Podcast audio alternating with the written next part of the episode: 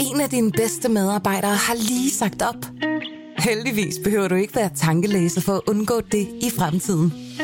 WinningTemp indsamler data gennem hyppige og anonyme medarbejderundersøgelser, så du lettere kan mærke pulsen på dine medarbejdere og støtte der, hvor der er behov. Kunder som Alfa Laval, Orkla og Volvo bruger allerede WinningTemp og ser, at det øger trivsel, reducerer turnover og hjælper med at fastholde talenter. Få gratis gennemgang allerede i dag på winningtemp.com. Denne podcast er sponsoreret af HP Elite Dragonfly med Windows 10 og 10 timers batterilevetid. Tag føringen med Windows 10 Pro-enheder. HP ønsker dig god fornøjelse med podcasten.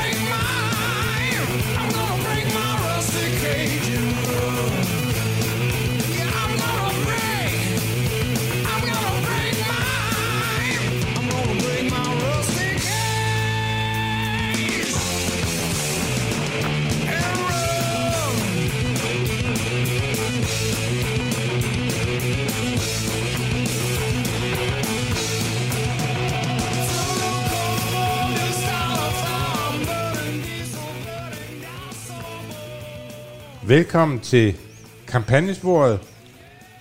Jeg er Mads Fugled, og ved siden af mig står min øh, min øh, min partner in crime, David Tras, og teknik Kasper. Og vi er på mit kontor på Christiansborg. Vi ja. øh, er begyndt at mødes igen i smug. øh, og, og, og snige os ind i bygningen, når der ikke er andre, og står og optager kampagnesporet. Øh, vi er brudt ud af vores øh, rustne bur, øh, og, og nu, og nu øh, får I kampagnesporet med den der fornemmelse af, at vi rent faktisk står og taler med hinanden, i stedet for at sidde alle mulige steder på planeten og lave kampagnespor samtidig. Jo, altså på planeten har jo været så meget sagt, fordi, fordi de har været under det har været, corona. det har været meget Østerbro, Vesterbro, Amager. Det er det, altså, men det er dog trods alt også en del af planeten, men det er jo ikke ligefrem været på den anden side af jorden endnu. Så nu står vi her øh, på Christiansborg igen og kan se hinanden i øjnene. Ikke? Jo, det kan vi. Det, er, øh, det føles rigtigt. Og det føles også som om, at man laver radio uden at snyde på en eller anden underlig måde, synes jeg. Vi, øhm, vi skal lige sige her om den her øh, øh, udsendelse, at den selvfølgelig kommer til at handle meget om, om, øh, om Joe Bidens tale til mm. kongressen. Øh, den kommer selvfølgelig også til at handle, og derfor er titelnummeret øh, om, øh, om, om vi kan risikere, at Rudy Giuliani skal i fængsel på et tidspunkt. Ja. Øh, og, og, øh, og så ved vi jo godt, at vi har sagt mange gange, at vi vil lave en udsendelse om Andrew Jackson. Vi er sådan set parat til at lave mm. den øh, udsendelse Ja. nu. Øh, vi, øh, vi har ikke glemt den. Den kommer. Der sker bare hele tiden noget, der gør, at, øh, at, det, ikke er, at det ikke er lige nu, Ja. vi, Altså, vi og- fyrer den af. Men, vi den, må- men vi har sådan set, altså, hvor, hvor jeg tidligere sådan blev ved med at skulle øh, holde ud i strakdarm, Ja. ja. for jeg skulle lige læse en biografi mere og så videre. Så nu, nu er al researchen på plads. Vi mangler bare lige sådan en, øh, en åbning, så vi kan øh, få lavet en, øh, en temaudsendelse om Andrew Jackson og komme i gang, gang med den der meget, meget populære serie om amerikanske præsidenter, hvor vi har nået adskillige af dem. Præcis, og, og, og vi skal også sige til alle jer der, øh, derude, der så mange gange har skrevet, hvornår går den i gang igen, at det gør den altså nu om et, øh, om et øjeblik. Ikke lige i dag, men Det om kan et godt, øjeblik. Hvis der ikke sker noget i ugen, der kommer, ja. så kan det godt være den næste udsendelse. Ja. Men Og så er det jo også interessant, at, at, at, at Joe Biden, som vi skal tale om i dag, jo næsten er jævnaldrende med Andrew Jackson. Ja, det er jo det. så, vi, så, vi, så, vi, så vi jo næsten... Ja, det er nemt at lave en bro. Det er det, det er det. Øh, så ham vender vi tilbage til. Jeg skal lige fortælle om en fantastisk historie, jeg læste her forleden dag. Øh, Wayne LePierre, Og ude at skyde en elefant. den, den, den øverste leder af NRA, altså våbenorganisationen i USA, våbenlobbyorganisationen i USA. Ja, det var ikke lige nu, men, men i 2013, der vil NRA lave sådan en, en PR-video, øh, der skal f- fortælle om det gode ved at bære våben. Ikke? Og, og som i, i spidsen for den, altså det handler jo om jagt, der sender man så Wayne LePierre og hans hustru Susan på en tur til Botswana i, øh, i, øh, i det sydlige Afrika, og dernede skal de så på elefantjagt. Og det bliver filmet, og der er fotografer med, og det hele det kører, og, og nu viser det sig så, at den film, den, det gik så galt, så den er aldrig blevet bragt. Men, men gode mennesker har på en eller anden måde fået fat i nogle råbånd derfra. Og her ser vi altså først, det ser rigtig smukt ud, Wayne LePierre komme med Susan, de har sådan fuldstændig perfekt safari-outfit øh, på, våben, går ud bush. Og her må jeg bare sige som en, der går på jagt, og det kan Kasper ligesom også understrege, at hvis man ser ud som en Pierre gør i den video, så er det fordi, man nærmest aldrig går på jagt. Ja. Det vil jeg godt lige afsløre. Det, sådan ser jæger overhovedet ikke ud. Men de skal på elefantjagt. Og, og der er masser af lokale guides, øh, der løber rundt om dem. Og, og der er så elefanten, ikke? Og nu, træ, og nu løfter øh, Pierre, øh, Wayne LePierre så sit, øh, sit gevær, rammer ved siden af første gang, kommer tættere på. Og det er alligevel svært at skyde forbi en elefant. Det skal vi bare lige understrege. Det det, han rammer ved siden af. Og der er nok nogen derude, der sidder og tænker, sådan en elefant, den kan da ikke fylde ret meget sigtekorn. Og der kan jeg afsløre, at det gør den. Ja. Altså, den fylder mere, end man lige tror. Ja, det er, ikke, det er ikke en gås, man skyder efter. Nej. Og det er heller ikke, fordi den bevæger sig hurtigt. Det her tilfælde står Eller nemlig stille. mariehøn, man lige vil flippe, flippe af, af spidsen af den næse Altså, den her elefant står stille. Og selv efter han rammer ved siden af den, står den stadigvæk stille. Han kommer tættere på, han rammer den. Men han rammer den forkert sted. Den dør ikke, men den ligger alligevel sådan og, og øh, begynder sådan at lægge sig lidt ned. Og så kommer de tættere på, og nu skyder han tre gange fra, fra, fra klodshold. Men han får den ikke slået ihjel øh, alligevel. Og til sidst er der så en af de der guide, der, der går frem og, og, og skyder skyder, den i hjertet. skyder den i hjertet, og så, og så dør den. Det synes øh, man Og det så er ikke... dybt ubehageligt at se på. Det er dybt ubehageligt at se på. Og det synes man så ikke var øh, en PR-video Sjovt værd. Synes man ikke. Så sker det lidt senere, at øh, der er det faktisk Susan, der faktisk får skudt en, øh, en elefant. Vi ser ikke, hvordan det foregår. Det kan også være, det ikke er hende. Men hun går i hvert fald frem, og så øh, skærer øh, man simpelthen øh, halen af den. Og så står hun med den der hale, som jo ligner en kæmpe slange, og så råber hun, victory! og, det, og den, her, den her video, den, den, øh, den lavede man så ikke til en PR-video for, for NRA. Alligevel ikke. Men den kan findes, og skulle nogen have lyst Den til kan det? findes. Det er, det er en underlig blanding af noget, der er meget ubehageligt at se på. Og så øh, en, får man sådan en... Øh, altså, når nogen... Det er også den her fascination af, hvor langt man kan gå med en dårlig idé, uden der er nogen, der vender sig om og siger, det her er forresten den dårligste idé, nogen nogensinde har fået. Er vi sikre på, at vi vil fortsætte med den? ja. øh, den fascination er også en del af det. Og, og hvad hedder han? øh, Wayne LePierre har også andre problemer. NRA øh, har ikke sådan stået i af succes på succes øh, i de senere måneder øh, og år. Så den her, det er sådan en, en, en klassisk situation. Det går dårligt. Nu finder vi noget, der gør det, at det bliver, at det bliver, det bliver endnu værre. Ikke? Men øh, vi skal egentlig tale om Joe Biden, Mads, fordi øh, i den her uge, der holdt han sin første tale til nationen, State of the Union, øh, i den amerikanske kongres. Det plejer jo at være sådan en seance, hvor alle repræsentanterne og alle senatorerne er til stede, og gæster udefra, og stor festivitas omkring den her gang. Den her gang var det øh, droslet ned. Ikke alle var til stede. Det var ikke en fyldt øh, sal. Øh, men ikke desto mindre var det sådan en markering af, øh, altså af præsidentens, øh, af præsidentens øh, første 100 dage. Ja, det var det, og, øh, og en markering, som, øh, som jeg synes, Joe Biden brugte rigtig godt. Og han brugte... Altså, der, det er tydeligt, at Joe Biden sådan havde øh, flere dagsordner, som han gerne vil have til at lykkes med den her tale. Og punkt 1 er at vise, at øh, det kan godt være, at alle går og siger, at dement, men nu stiller man lige op og holder en tale på en time. Ja. Øh, og så kan vi tage en snak om, hvor mange demente, der gør det. Ja. Øh, og, og lad os bare, det er jo ligesom altid, øh, apropos Le Pierre, øh, den anskudte elefant i rummet, det er, når man taler om Biden, så taler man også. Om Kan han følge med? kan han følge med? Ja. Øh, og det var jo ret tydeligt, at det kunne han godt, øh, at, øh, at ja, han er en ældre mand, Ja. men han er på ingen måde dement. Nej. Øh, og der er, øh, der er selvfølgelig nogen, der vil tage klip ud af de gange, hvor han snubler lidt i ordene, ja. og nogle gange, hvor han, altså, han er heller ikke så god til at tale længere.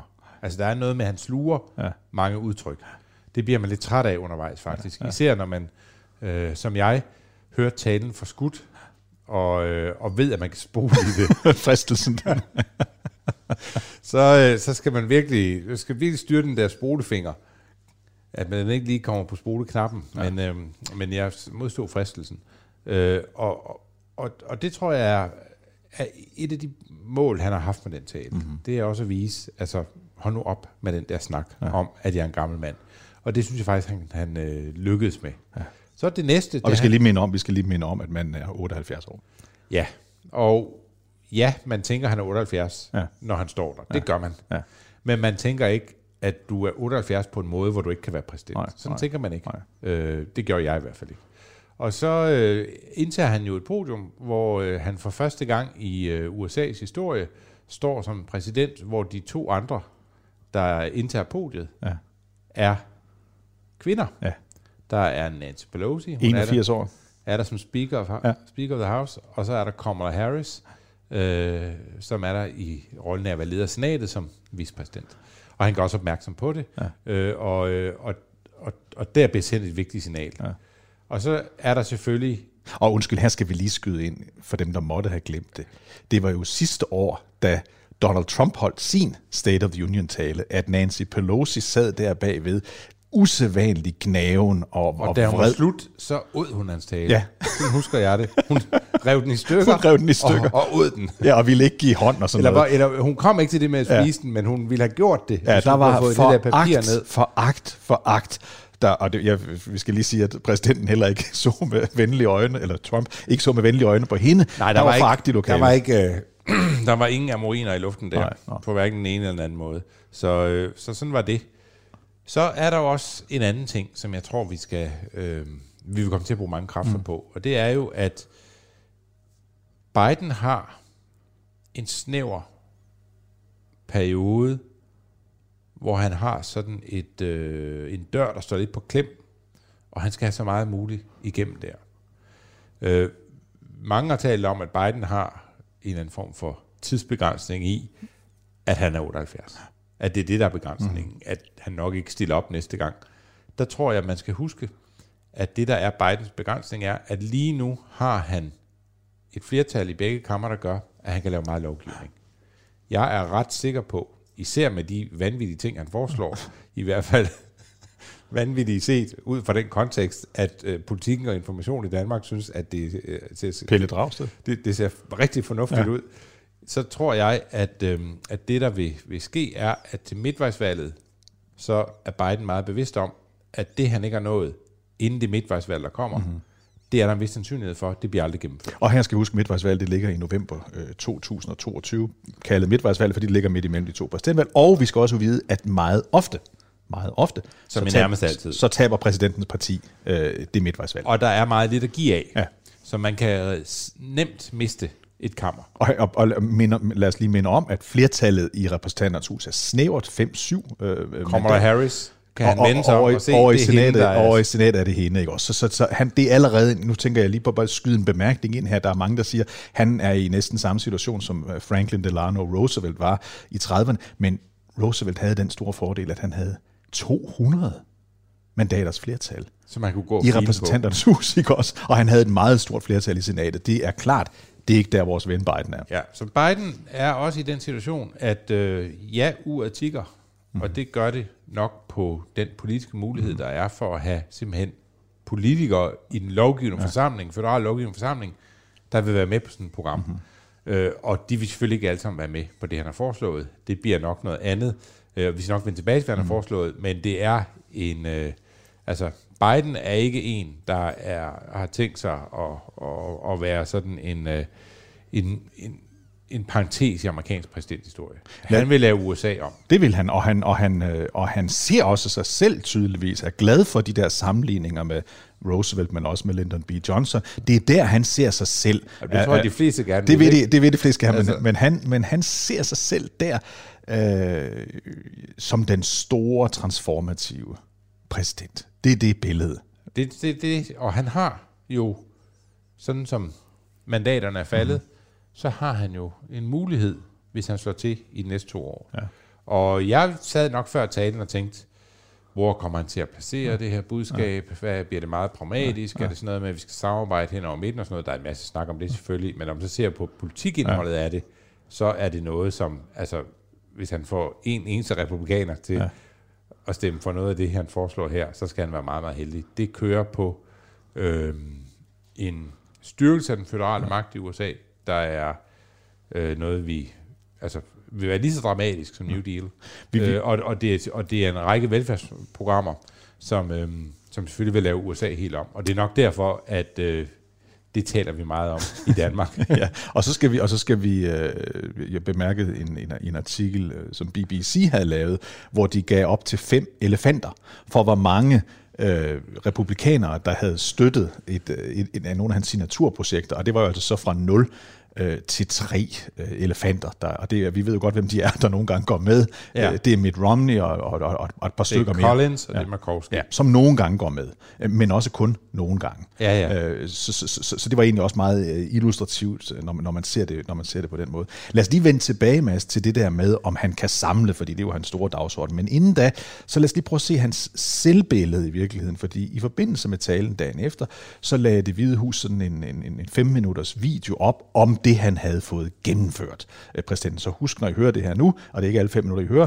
så er det, øh, så er det selvbilledet, så er det det hvide hus fortælling. Og vi starter med, med, med, med, med, med coronahåndteringen. Over a year ago, no one could have imagined what we were about to go through, but now we're coming through it.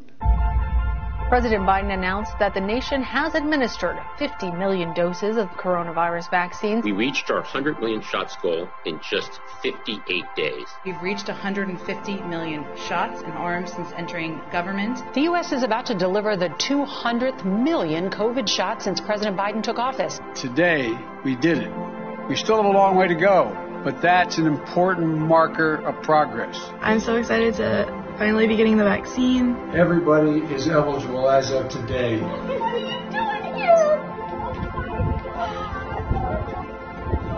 Right now, we are reopening schools safely so that kids can get back to their classrooms and learning with their teachers and their friends. Jeg har to hovedbudskaber her. Det første, det er, øhm, hvordan i virkeligheden Biden, da han tiltræder, lover, at han inden for sine første 100 dage vil sørge for, at 100 millioner amerikanere vil få en vaccine.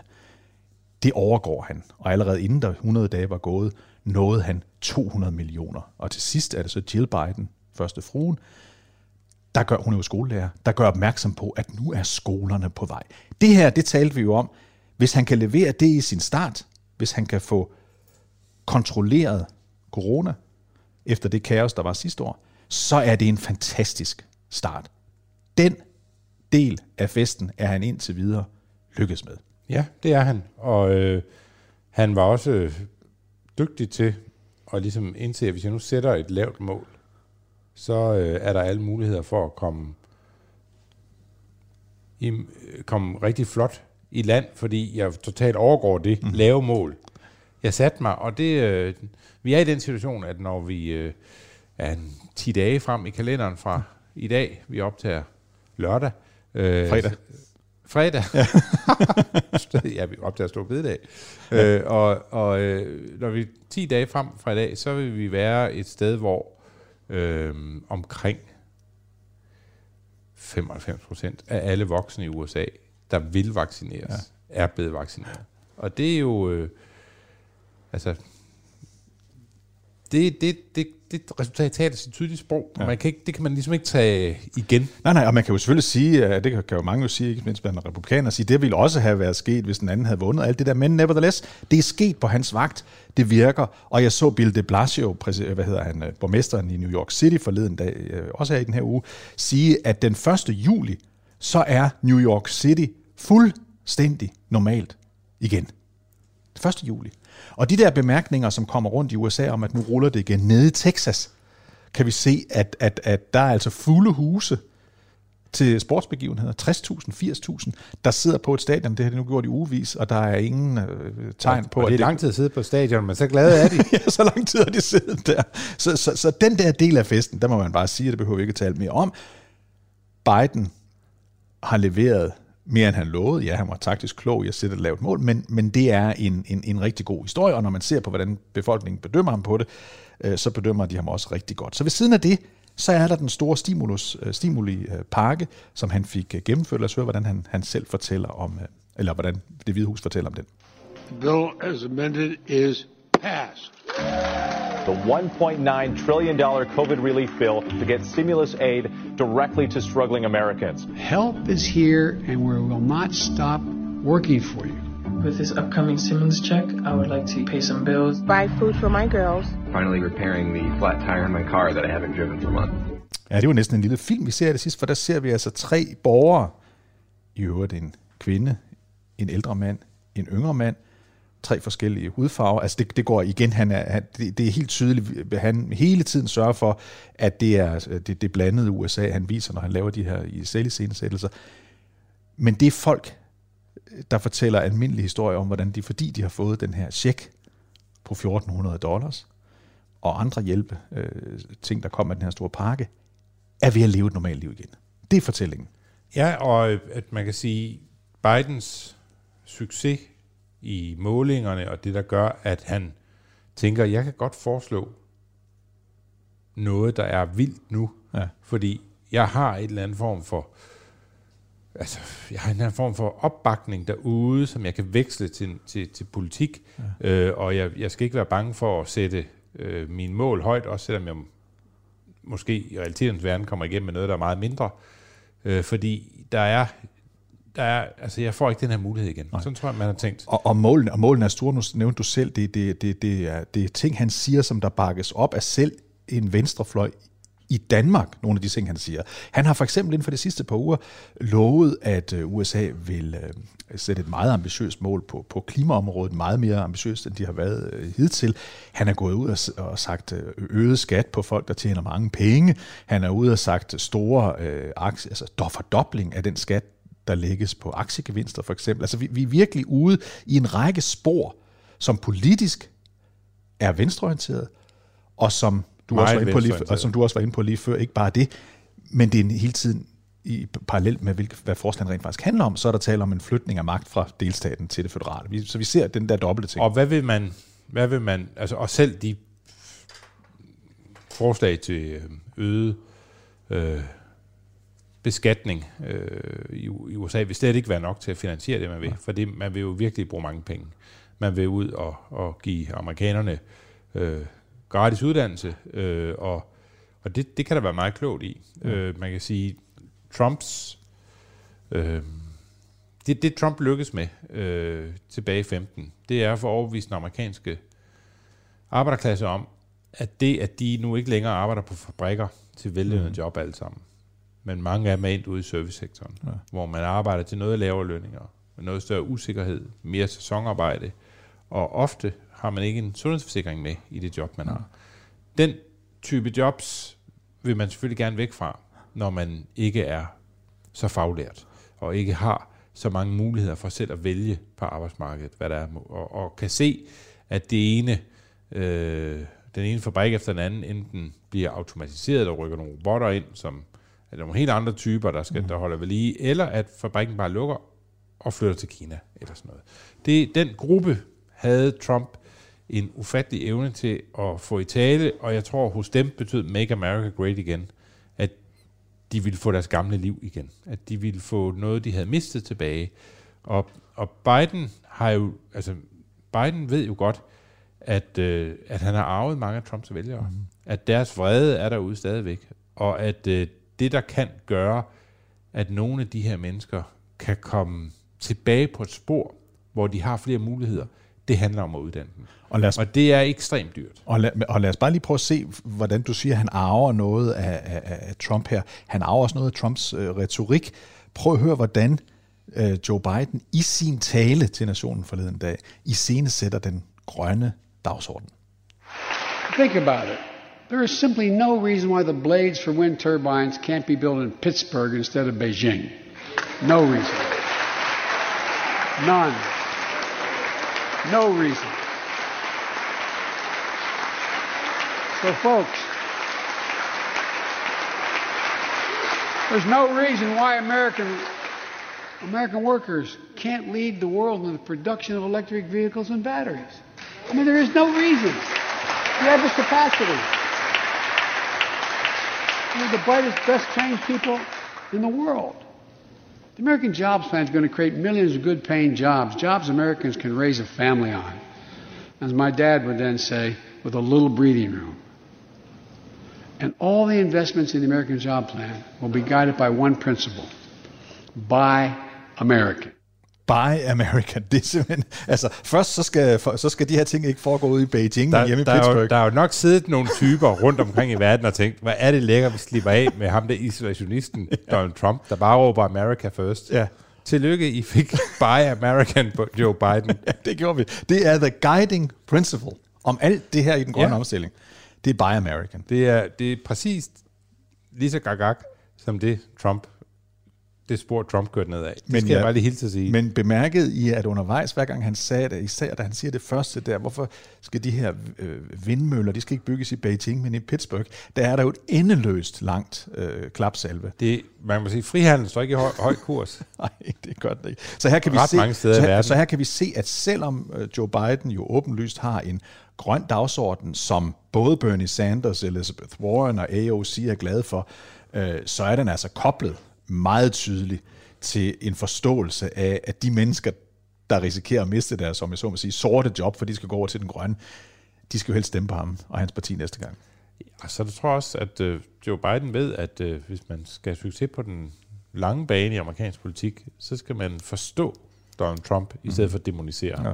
Og man skal forstå, hvor hans vælgere kom fra, hvorfor de stemte på Trump, og ikke bare gøre dem alle sammen til sådan nogle øh, racister, der er øh, QAnon øh, inficeret. Altså, der er en fortælling der, der handler om noget mere strukturelt, og de skal efteruddannes, og de skal have et liv, hvor der er lidt mere, lidt mere breathing room, som, øh, som øh, Joe Bidens far sagde det. Altså, der skal, være, der skal være lidt plads til at slå med halen der også. Find, økonomisk. findes der overhovedet en offentlig udtalelse fra Joe Biden, hvor han ikke på et tidspunkt henviser til noget, hans far har sagt?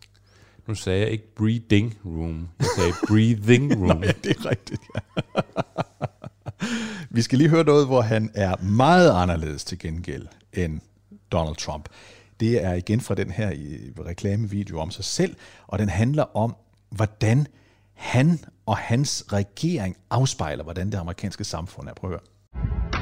Two women to be appointed to positions of four-star combatant commanders. Biden Harris cabinet, it will be historic. The first black U.S. Secretary of Defense, first ever openly gay person, the first Latino, First openly transgender official. first Native American to be confirmed. This is the first in American history that looks like America. One, two, and three. Ja, han gør opmærksom på, at det er den første regering nogensinde, der ligner Amerika. Her kunne man selvfølgelig sige, at den ligner i hvert fald den halvdel af Amerika, som, som øh, typisk stemmer på øh, demokraterne. Men det er jo rigtigt nok. Øh, der er en sort forsvarsminister for første gang, der er en kvinde, der er finansminister for første gang, der er den første med, med baggrund i, øh, i de oprindelige amerikanere, der er en transgender, godt nok ikke minister, men højt placeret og sådan noget. Det er jo åbenlyst rigtigt. Nu talte vi før om, hvordan han stod foran øh, to øh, kvinder, da han holdt sin State of the Union-tale. Altså, hvis nogen havde troet, og det var der mange, der troede, at når gamle Joe han kom til, så ville han udpege sine gamle venner fra øh, senatet øh, til, til alle poster, så det blive sådan et, en, en afdeling fra, fra ældre for, for, hvad, sektoren, der sad derinde, så har han øh, på Så er det det kun delvis ret. Så er det kun delvis ret. Der er ikke mange af dem. Der er ikke, oh, nogle af dem er der. Og det er, der er en del af dem på de vigtige positioner. Ja, ja. Men der er blevet plads til et, øh, et, øh, et mere synligt, ja. anderledes øh, regering, end vi nogensinde har set. Det er jo, det er jo tydeligt, og det, det bliver selvfølgelig mest tydeligt, når man sidder og ser på, øh, på, på altså man kan se det på de forskellige hudfarver, at kønsbalancen mm. er noget helt andet, og så sidder der øh, en kvinde, der er født som mand, og, øh, og vi har øh, en, øh, en, der har været øh, indfødt, eller en, der er ja. indfødt amerikaner ja, osv., og, og så tænker man, det alligevel noget andet end det, vi er vant til at se på, når man sådan ser ja. et, øh, et øh, regeringsportræt for USA.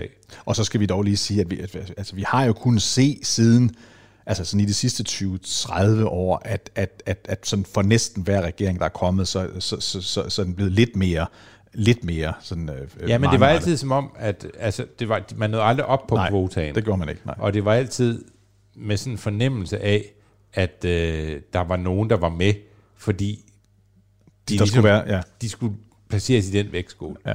Nu, øh, nu er det jo som at, at se en kanadisk regering. Altså, nu er det, nu er det gået nu er de gået fuld ind på, at, at øh, man skal repræsentere øh, alle tænkelige øh, minoriteter i det amerikanske samfund, som, og, og at det er et plus øh, for at være med i regeringen, at man tilhører en minoritet af en slags. Og når du så siger Canada, så går, går det naturligt videre til den sidste ting, jeg lige vil tage med fra hans egen øh, selvpromovering her, nemlig øh, hans genopbygning af alliancer. Det starter sjovt nok med øh, Justin Trudeau, der også er med i den her.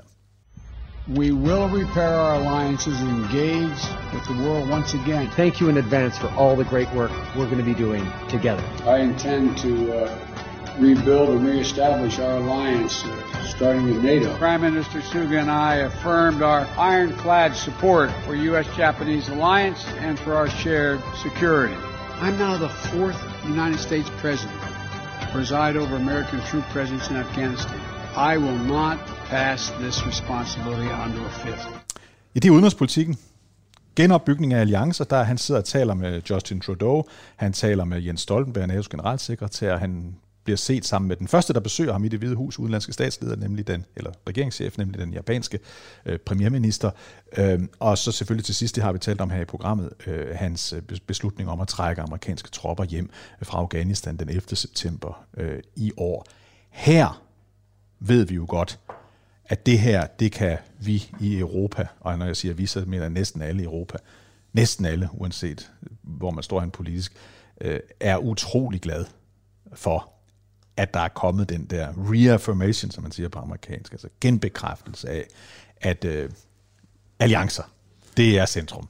Ja, ja, altså det, det var det var den sværeste pille at slå med Trump, var, at ikke bare ville han gerne ryste pengetræet lidt mere. Vi skulle betale lidt mere for, ja altså når vi byttede varer og så videre, ja. så, så skulle balancen være anderledes, øh, når vi handlede, og der skulle bestemt også bruges flere penge på forsvar. Men der var jo sådan en bagvedliggende frygt for, at han egentlig ikke ønskede noget ja. transatlantisk bånd. Han ja. så ikke nogen værdi i det, og øh, NATO var sådan en slags øh, historisk øh, anachronisme, som USA var ind i, og hvad lavede man egentlig der? Ja. Altså det, det var tydeligt, det var sådan Trump havde det med det.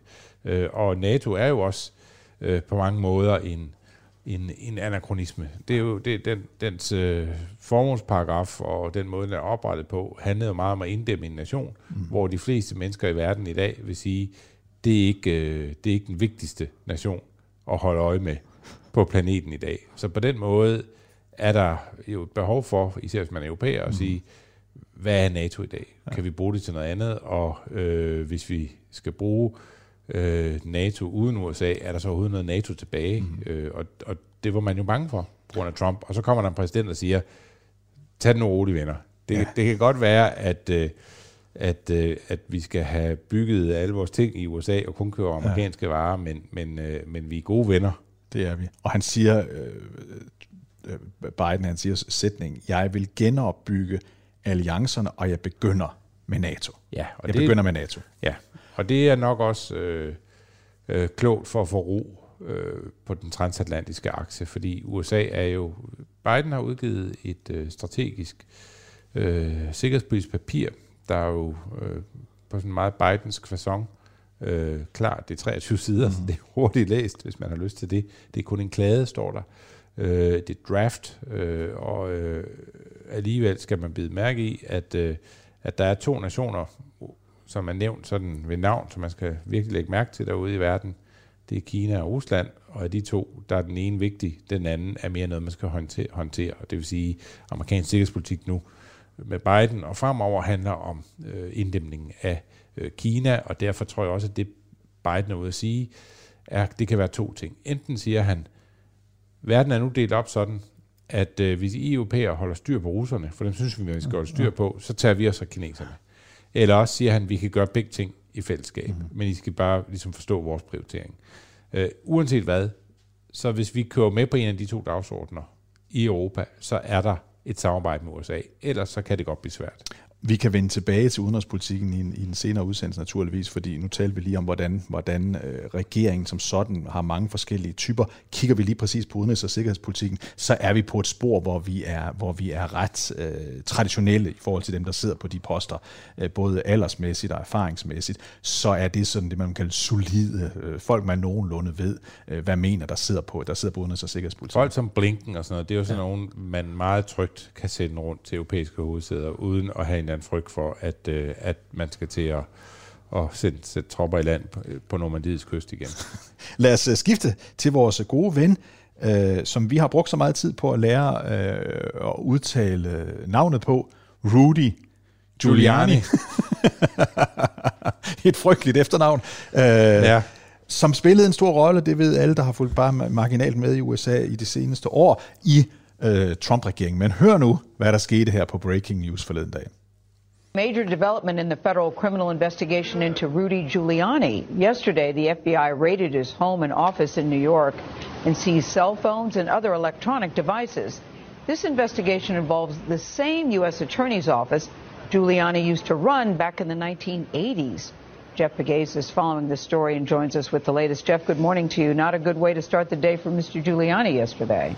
Nej, det er ikke en god dag for Mr. Giuliani, fordi hans kontor og private bolig på Manhattan er simpelthen blevet raided, som det hedder, af FBI-tropper. Ja, de gennemgik øh, hans sokkeskuffe for at se, om der lå nogle hemmelige papirer dernede. Og det, de ledte efter, øh, var jo blandt andet, øh, om de kunne finde nogle spor på, at han nogensinde havde repræsenteret en fremmed statsmagt. Ja. At han havde tjent, at han havde, at han havde fremmed en stat, der havde andre interesser end USA's øh, interesser, øh, om, om man kunne finde sådan en landsforræderkrog ja. på øh, Giuliani. Han har været ude i dag og sige, at det har han aldrig nogensinde gjort. Nej. Det, man, øh, det vi ved om den her undersøgelse, det er, at der er et stærkt ukrainsk spor. Altså, hvor meget ja. har Giuliani samarbejdet med ukrainske myndigheder på en façon, man ikke må, ja. øh, for at øh, blande interne øh, forhold sammen med, med øh, amerikansk sikkerhedspolitik. Og så alle ved jo, alle ved jo, at øh, Rudy Giuliani var, var, var, var præsident Trumps personlige øh, advokat, øh, mens han sad der, han varetog nogle opgaver for ham. Alle ved også, han har været tidligere præsidentkandidat, han har været borgmester i øh, New York City, utrolig populær lige omkring 9-11 2001. Og så nævnes der her, at det kontor, det offentlige anklagerkontor, der er ansvarlig for sagen mod ham selv.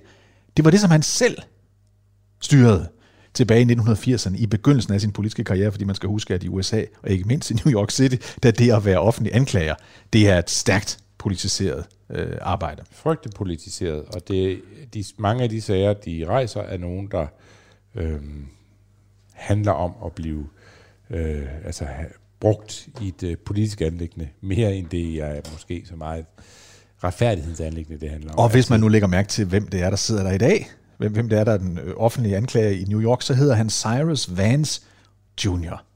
Og hvis man sådan husker... Hvem er Cyrus hvem er, Vance? Hvem er, det? hvem er Cyrus Vance Jr.? Er det en, vi har hørt om før? Senior i hvert fald. Ja, senior. Cyrus Vance senior har vi øh, hørt om, og så her skal vi jo helt tilbage til Carters ja. tid, og der var Cyrus Vance... Øh, øh, det var jo sådan, at Carter ikke ville have en... Øh, en øh, Carter ville have en helt ny type regering. Mm-hmm. Og, og, og måden, han gjorde det på, var blandet i starten med at sige, jeg vil ikke have nogen, der øh, sådan øh, bestemmer adgangen til mig, og så videre. Så vi skal, vi skal, vi skal ikke have en chief of staff, Nej. og sådan nogle ting. Øh, så undervejs fandt Carter ud af, at alt gik galt for ham, ja. og så begynder han at få nogle folk ombord, der ligesom kan hjælpe ham med at, øh, at få lidt, øh, lidt røv i bukserne ja. på i det hvide hus, sådan at, at møderne ikke ender i hat og briller, og folk ikke går vrede derfra, over at de ikke har fået serveret hvidvin og andet, og de har stået og hørt på en præsident, der taler ned til dem, og øh, alle mulige kunne ud af en. Og der bliver Cyrus Vance en ret vigtig figur i at genrejse øh, respekten om Carters øh, hvide hus. Så han bliver også opfattet som sådan en, en, øh, en magtpolitiker. Og naturligvis en demokrat. Og det er Cyrus Vance Jr. Øh, så øh, også, han har jo meddelt, at han, at han ikke genopstiller næste gang, men han er den, der står i spidsen for alle de undersøgelser, der ligger i New York-delstaten, som handler om at finde et eller andet på direkte på Trump eller i nærheden af Trump, og de vender alle tænkelige skuffer overalt i øjeblikket, herunder altså Rudys øh, øh, sokke skuffe. Ja. Det hele, ikke? Ja, det vil jeg ikke. Der må de jo simpelthen have taget sådan en gang sten, saks, papir om, hvem der ville tabe der, og skulle gå igennem sokke- og underbukseskuffen hos uh, Rudy Giuliani. Jeg har aldrig forstået, at papir Nej. slår sten. Altså, hvis, jeg, hvis man møder op til en uh, tvikamp, så, og, man, og, så, så, så, og møder op med papir, og den anden har en sten, altså, så er du bagud på point Jamen, fra start. det er fordi, du ikke kan tænke abstrakt. Fordi det abstrakte er jo her, her er stenen, som du lige tænker, den er større, men nu pakker vi den ind i papiret, ikke? pakker den ind i papiret, og så er den jo neutraliseret. Så kan man ikke se den. David, jeg synes, vi skal mødes om i, og få afgjort en gang for alle ved en tvekamp mellem os to, om Ipswich 1981-holdet er det største hold i verdenshistorien, eller om det er øh, et hvilken som helst af Uniteds mange middelmåde fodboldprojekter, der er det største i verdenshistorien. Og du kan tage alt det papir med, du vil, så kommer jeg med noget sten. Okay, det gør vi. Det gør vi ved lejlighed.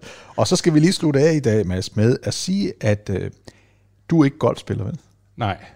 Men, Og men, det er nok for sent. Jeg ja, tror ikke. Men, men, men det er jo en, en, en amerikansk magtsport. Altså, der foregår utrolig meget på golfbanen. Vi ved, hvor meget Barack Obama spillede golf. Vi ved, hvor meget øh, Donald Trump spillede golf. Joe Biden øh, angiveligt ikke.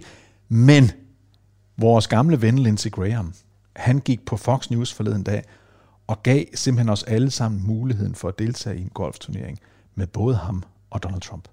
So I'm doing a golf tournament with President Trump this Sunday, May the 2nd, and my campaign is going to auction a slot off to play in this tournament.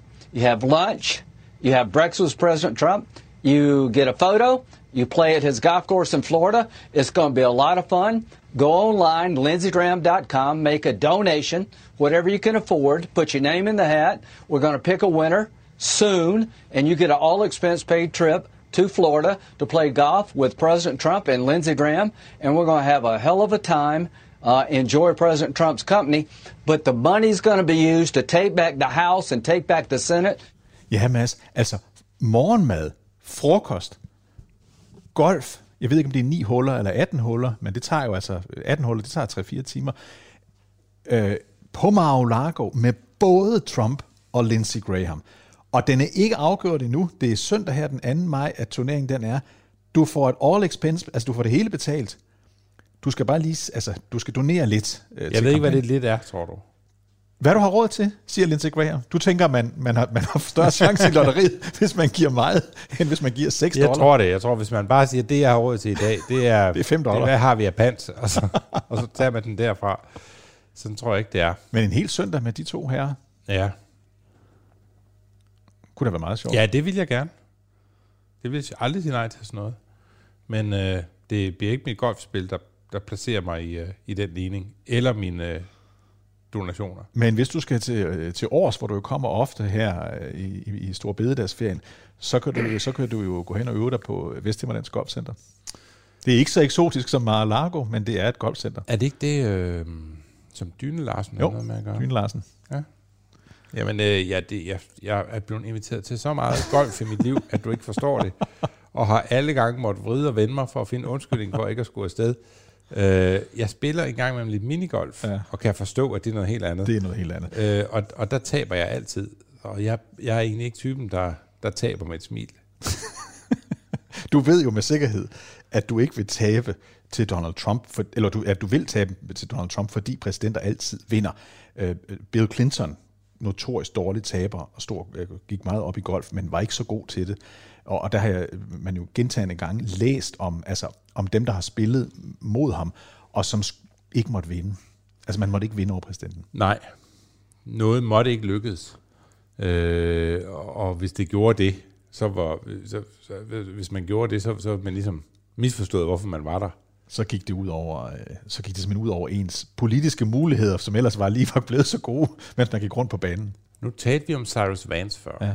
Cyrus Vance, der jo er den, der han er udenrigsminister under Carter. Øh, senior. Og, og, og, ja, senioren. Ja. Og han, øh, det er ham, der øh, forestår de her øh, forhandlinger med Teheran om de amerikanske gisler.